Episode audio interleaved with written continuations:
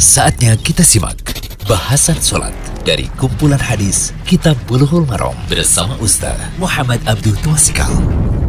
Alhamdulillah, salatu wassalamu ala rasulillah wa ala alihi wa sahbihi wasallam. Kali ini kita berada di audio ke-60 dari kitab Bulughul Maram, kitab sholat, masih tentang sutratul musalli, pembatas sholat. Hati-hati dengan hal yang memutus sholat. Nah, catatan dulu untuk audio-audio sebelumnya, tentang tinggi sutra kita ada istilah mu'khiratur rohli. Saya menyebutnya dengan mu'khiratur rojul. Ini salah, salah dalam baca. Mu'khiratur rohli itu artinya uh, sandaran. Kalau kita memiliki hewan tunggangan itu ada di belakangnya sandaran tersebut. Nah, tingginya itu yang kemarin kita kalau hitung-hitung sekitar 45 cm. Kita lihat hadis untuk pertemuan ke-60 ini di hadis 231, 232, 233 dari kitab Bulughul Maram. Ini tentang hal-hal yang memutus sholat. Ya, dan ini nanti menunjukkan pentingnya kita memakai sutra pembatas dalam sholat. Wa an Abi Dzar qol qala Rasulullah sallallahu alaihi wasallam yaqta'u salatal mar'il muslim idza lam yakun baina yadayhi mislu mu'khiratur rahli al mar'atu wal himaru wal kalbul aswad al hadis wa fihi al kalbul aswad syaitanun akhrajahu muslimun. Dari Abu Dzar Al-Ghifari radhiyallahu anhu ia berkata, Rasulullah Shallallahu alaihi wasallam bersabda, yang akan mutus salat seorang muslim jika tidak ada di depannya seperti mukhirah ar-rahli tiang atau sandaran di belakang kendaraannya atau tunggangannya. Ya. Pemutus sholatnya itu adalah wanita, keledai, dan anjing hitam. Disebutkan di dalamnya anjing hitam itu adalah setan. Ya, sifatnya itu seperti setan. Dikeluarkan oleh Muslim. Hadis 232. Walahu an Abi Hurairah nahwuhu duna al-kalbi. Menurut riwayat Muslim dari Abu Hurairah radhiyallahu anhu ada hadis yang serupa dengannya tanpa menyebutkan lafaz anjing. Catatannya di sini dijelaskan oleh Imam Muslim di bab yang sama yang tepat kata anjing tetap disebutkan dalam lafaz Abu Hurairah. Atau kita katakan tanpa penyebutan wasaf atau sifat anjing. Hadis ke-233. Wali Abi Dawud wa Nasa'i an Ibni Abbasin radhiyallahu anhuma nahu duna akhirih. Wa qayyadal mar'ata bil haidi. Dari Abu Daud dan An-Nasa'i dari Ibnu Abbas radhiyallahu anhuma ada hadis yang semisal tanpa menyebutkan kata akhirnya yaitu anjing dan membatasi pada wanita yang haid. Hadis riwayat Abu Daud dan An-Nasa'i. Faedah hadis, tiga hadis ini menunjukkan jika orang yang sholat tidak menjadikan sutra pembatas untuk sholatnya. Di mana tinggi sutra itu seperti mu'khira ar-rohli, tiang atau kayu sandaran di belakang kendaraannya atau hewan tunggangannya, maka sholatnya terputus. Oleh sebab dari tiga hal, yaitu wanita, keledai, dan anjing hitam. Tiga ya ingat ya, wanita, keledai, dan anjing hitam. Yang kedua faedahnya, jika kita meletakkan sutra di hadapan kita sholat, lalu ada yang lewat antara tiga hal. Wanita keledai anjing hitamnya, tidaklah membatalkan sholat.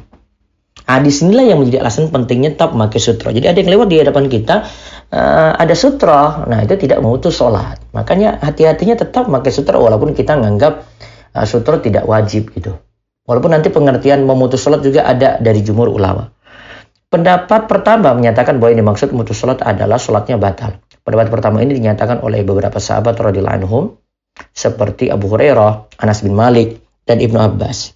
Al Hasan Al Basri juga berpendapat demikian. Ulama yang berpendapat seperti ini adalah Imam Ahmad dalam salah satu pendapatnya, Al Majid, ya, kaki Ibnu Taimiyah, terus uh, Abdurrahman bin Qudama, Syaikhul Islam Ibnu Taimiyah dan Ibnu Qayyim. Lalu ada pendapat kedua lagi yang menyatakan bahwa yang dimaksud memutus adalah sholatnya kurang. Bukan yang dimaksudkan adalah batal. Ya, bukan yang dimaksudkan adalah batal. Hal ini dikatakan sholatnya kurang karena hati jadi tidak fokus disebabkan tiga hal tadi. Nah pendapat kedua ini dianut oleh Imam Malik, Imam Abu Hanifah, Imam Syafi'i, dan satu pendapat lagi dari Imam Ahmad. Alasan jumhur adalah kodoifan hadis la yakta'u sholah syai' tidak ada sesuatu pun yang memutus sholat. Hadis doif ini tidak bisa dijadikan argumen menurut jumhur ulama. Ya, hadis ini akan dibahas terakhir dalam bab sutrah al-musalli di bulughul maram ini. Lalu ada juga pendapat ketiga dalam masalah ini yang memutus dan membatalkan sholat hanyalah jika yang lewat itu anjing hitam saja. Adapun wanita dan keledai yang lewat tidaklah membatalkan sholat. Pendapat ketiga ini adalah salah satu pendapat Imam Ahmad, juga pendapat Ishaq. Nah, Syekh Abdullah Fauzan lebih cenderung pada pendapat sholat itu batal karena dilewati tiga hal di atas. Itu wanita, anjing hitam, keledai. Intinya dari pendapat-pendapat yang ada, lebih hati-hati kalau kita tetap memakai sutra dalam sholat walau kita menganggap hukum sutra itu sunnah. Yang ketujuh, yang dimaksud memutus sholat adalah wanita haid. Wanita di sini adalah wanita yang sudah balik. Bukan yang dimaksudkan adalah wanita yang sedang haid. Ingat ya. Jadi yang dimaksudkan wanita haid itu wanita yang sudah balik. Jadi bukan wanita yang sedang haid. Nah itu kalimatnya berbeda kan. Adapun anak-anak, anak-anak perempuan tidaklah masuk dalam pemutus sholat. Anak-anak perempuan kita tidak sebut dengan al-mar'ah. Adapun yang dimaksud anjing adalah anjing hitam. Karena anjing hitam disifati dengan setan. Sebagaimana dalam hadis. Adapun keledai atau himar yang dimaksud adalah keledai. Yaitu al-himar al-ahli. Nah, karena uh, keledai itu berbeda dengan al-himar al-wahshi. Kita sebut dengan zebra. Ada ulama yang berpendapat yang dimaksud himar adalah keledai dan zebra sekaligus karena keduanya sama-sama disebut himar. Tapi yang lebih bagus kita sebut dengan al-himar al-ahli di sini uh, yang membatalkan itu adalah keledai saja, al-himar al-ahli, bukan zebra.